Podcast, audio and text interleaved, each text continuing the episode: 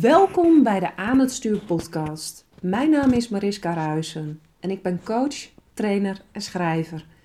Ik help je met het managen van jouw ikken en regie te nemen over je leven. In deze podcast deel ik heel graag tips en inspiratie met je over hoe jij jouw leven kunt leiden zoals het voor je bedoeld is. In plaats van je te laten aansturen door negatieve en kritische stemmetjes in je hoofd. Het is mijn intentie jou te helpen de ruis die de kritische stemmetjes, zoals jouw slavendrijver, pleaser, perfectionist en innerlijke criticus veroorzaken, te elimineren, zodat je je opnieuw kunt verbinden met jouw innerlijk kompas. Want die weet altijd de weg. Ik wens je heel veel luisterplezier. En welkom bij alweer episode 15 van de Aan het Stuur podcast. Met vandaag als thema: Jij kunt jouw eigen redder zijn. En als je deze titel hoort, dan uh, roept het misschien meteen een gevoel van sprookjes bij je op. En dat is wel waar ik het vandaag over wil hebben met je. Als je mij al langer volgt, dan weet je waarschijnlijk dat ik erg gefascineerd ben door verhalen en sprookjes. Op mijn YouTube-kanaal van Praktijk de Waterspiegel lees ik uh, de laatste weken regelmatig sprookjes voor en help ik je met het duiden van de diepere betekenis die die sprookjes juist in deze tijd voor jou kunnen bevatten.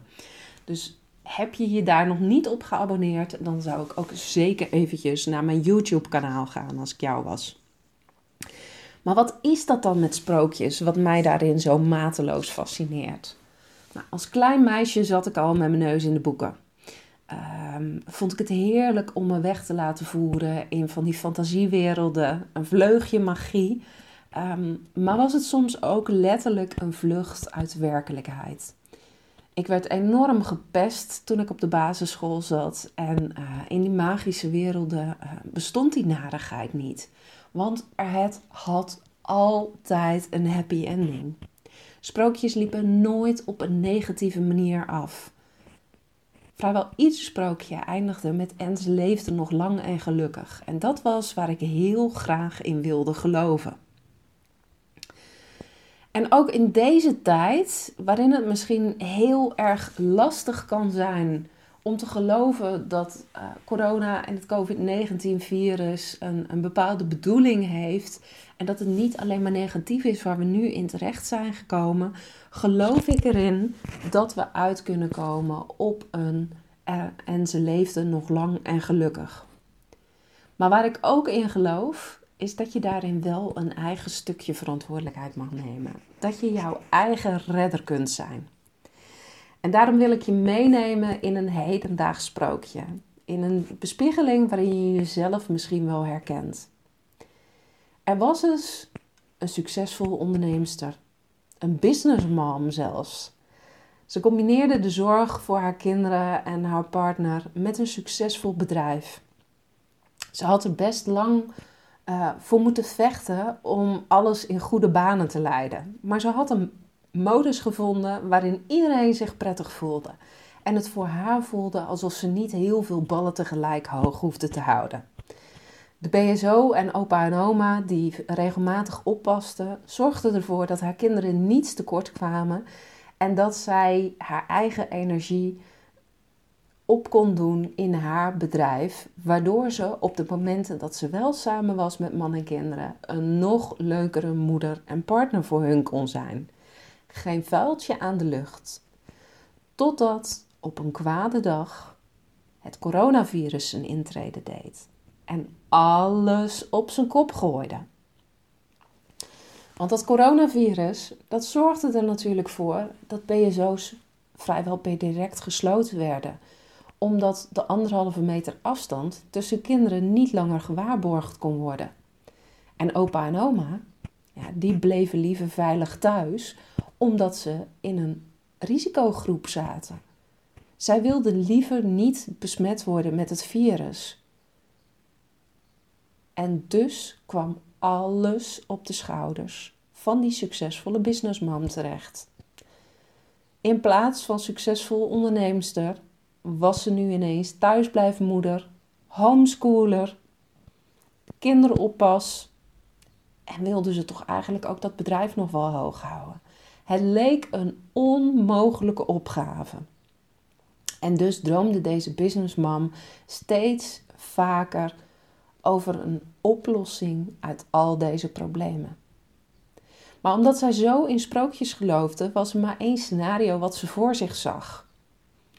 En ze zag meteen dat dat niet het ideale scenario was. Stiekem hoopte ze op een prins op een wit paard die haar zou komen ontvoeren naar een nieuwe realiteit waarin het coronavirus simpelweg niet bestond. Het joeg haar ook wel angst aan, want het idee dat ze dan haar man en kinderen achter zou moeten laten, ja, dat, dat was toch niet heel erg aantrekkelijk.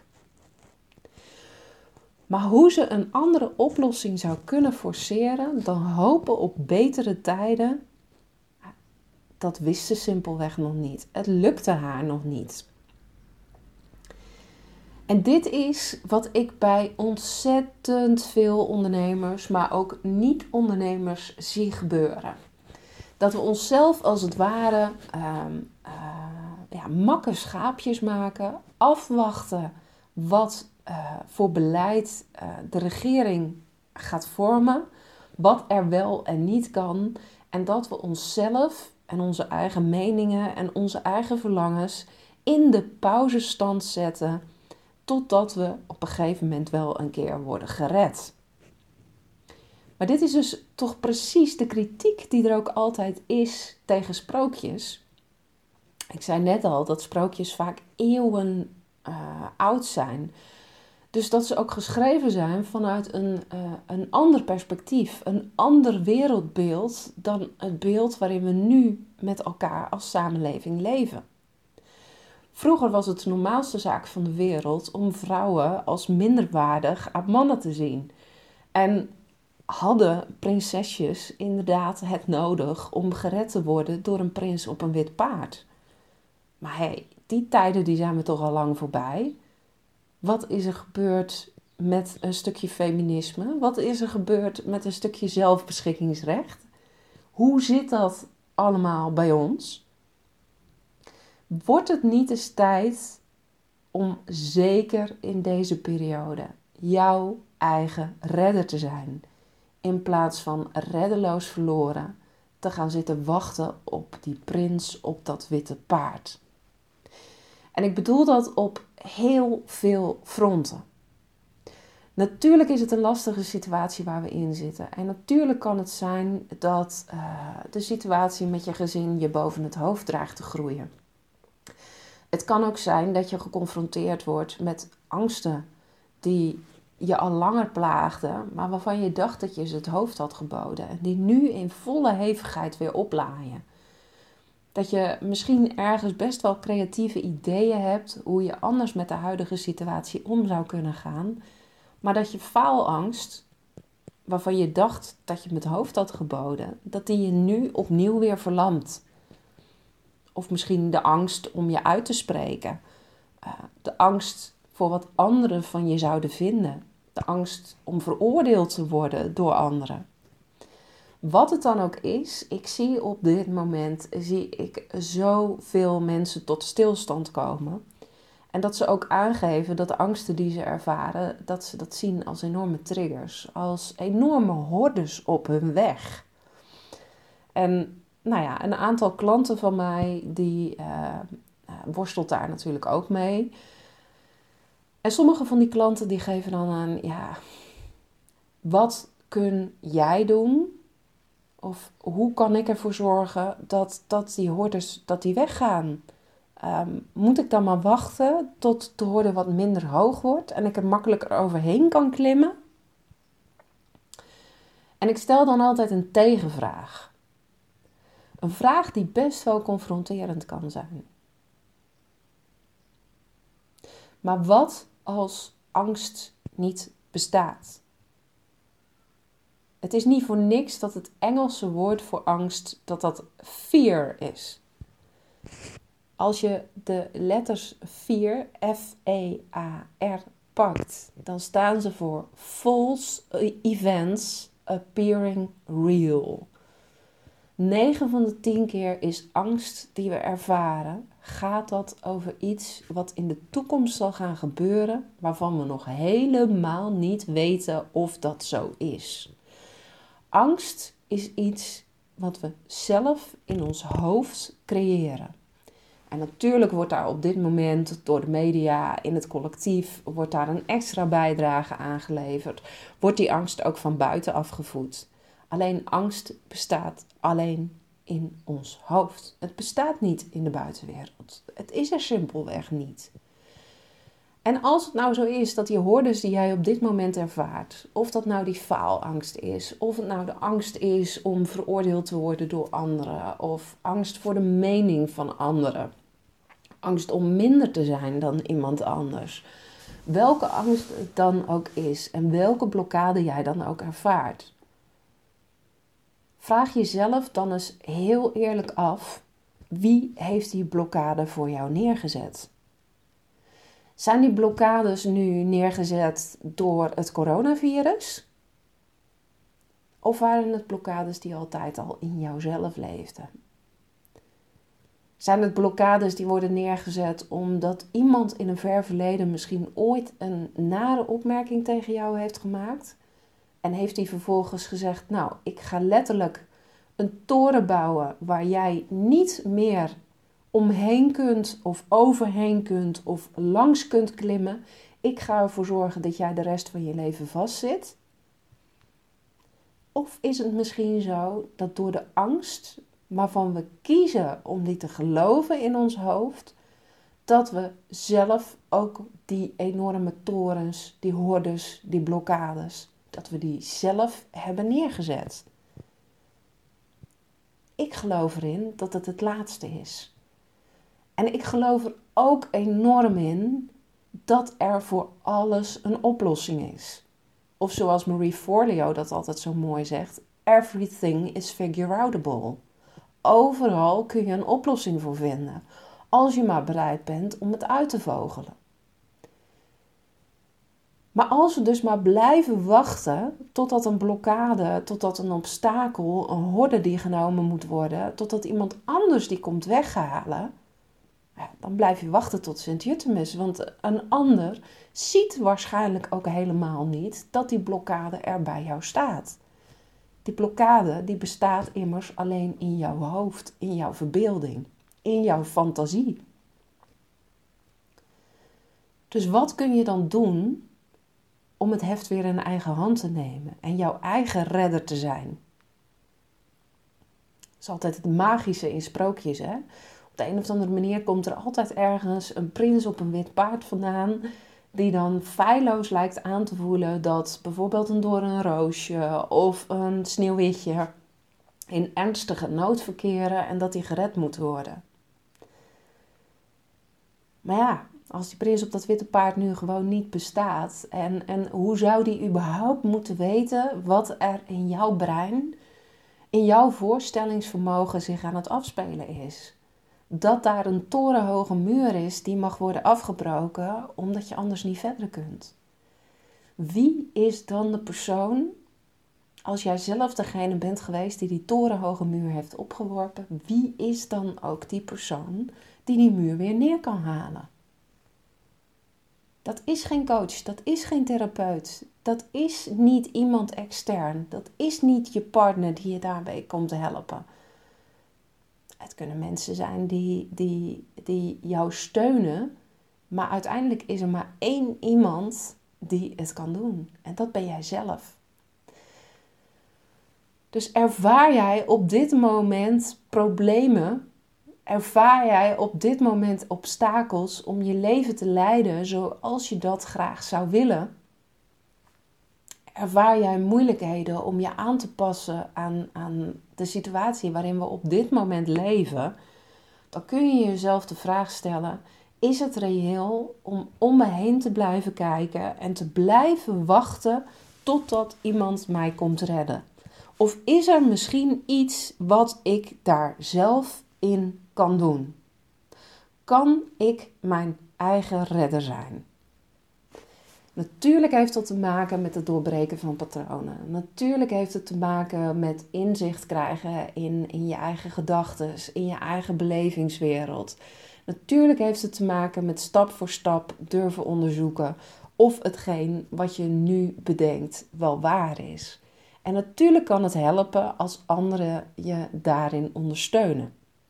Nou, het aan het stuurteam en ik willen daar heel graag mee helpen. Ik heb een online training ontwikkeld waarin je in 50 lessen, 10 modules, stap voor stap leert hoe jij keer op keer bij jezelf eh, barricades die worden opgewerpen uit de weg kunt uh, ruimen. Hoe jij belemmeringen die er in jouzelf leven en spelen uh, kunt overkomen. Maar ook hoe je om kunt gaan met tegenslagen in het leven. Want die zullen er simpelweg altijd zijn. Er zullen altijd moeilijkheden op ons pad komen. En die moeilijkheden die worden nu misschien in de huidige situatie extra uitvergroot. En ik wil heel graag jouw gids op je pad zijn om je daarin te helpen. Maar je dient je wel te realiseren dat er maar één iemand is die daadwerkelijk verandering in jouw leven kan aanbrengen. En dat ben jezelf. Ik ga niet jouw redder zijn. Je mag jezelf redden. En ik beloof je dat dat een veel fijner gevoel ook bij je achter gaat laten. Dat je, dat je daarvan gaat groeien. Dat je, dat je daarvan gaat genieten. Want hoe fijn is het om weer een stukje terug te voelen van die independent, strong woman die je waarschijnlijk altijd voor de coronacrisis ook al was. Die de touwtjes zelf in handen heeft. Die zelf kan beslissen hoe ze haar leven vormgeeft. En die het credo everything is figure outable helemaal weet te omarmen. Weet te omhelzen en dat helemaal doorleeft en doorvoelt. Dat is toch de persoon die jij wil zijn? Dat is toch de persoon waarvan je gaat glimlachen als je haar in de spiegel ziet? Waarschijnlijk zie je dan een totaal ander iemand dan wanneer je je identificeert met een zielig prinsesje wat gered moet worden door een prins op het witte paard. Nou, merk jij nou dat het best wel lastig is om die shift te maken naar die strong and independent woman, die stoere chick die het heft in de eigen hand neemt en die haar eigen redder wel zal zijn, nou, dan is waarschijnlijk de aan het stuurtraining echt voor jou. Normaal gesproken is het een volledig online traject wat je uh, stap voor stap zelf kunt doorlopen. Nou, speciaal voor deze coronatijden hebben de diverse aan het stuurteamcoaches zich bereid ge uh, gevoeld om jou een persoonlijk groeiplan erbij te geven. Aan het begin van het traject heb je een gesprek met een van hen en gaan ze samen met jou ontdekken waar voor jou de speerpunten in de training liggen waar jouw grootste leerpunten liggen en hoe je het meeste uit de training kunt halen. Ze gidsen je er stap voor stap doorheen en dat gesprek dat krijg je tijdelijk helemaal gratis naast de training. Nou, op mijn website vind je veel meer informatie over die training. Dus als je er geïnteresseerd in bent, neem dan eventjes contact met me op. Uh, of via social media of via het contactformulier op mijn site. En laat dan ook eventjes weten uh, hoe sterk jij voelt dat jij jouw eigen redder voortaan gaat zijn. Nou, resoneert dit met je? Voel je dat je uit die onafhankelijke stand wil komen? Of zijn er misschien mensen in je omgeving waarvan het je irriteert dat ze zichzelf nu op dit moment zo in de wachtstand hebben gezet? Aarzel dan niet om deze podcast te delen in je netwerk. Want uiteindelijk is het mijn doel om zoveel mogelijk mensen weer aan het stuur van hun eigen leven te krijgen. Dankjewel weer voor het luisteren en ik hoor je heel graag weer in een volgende podcast.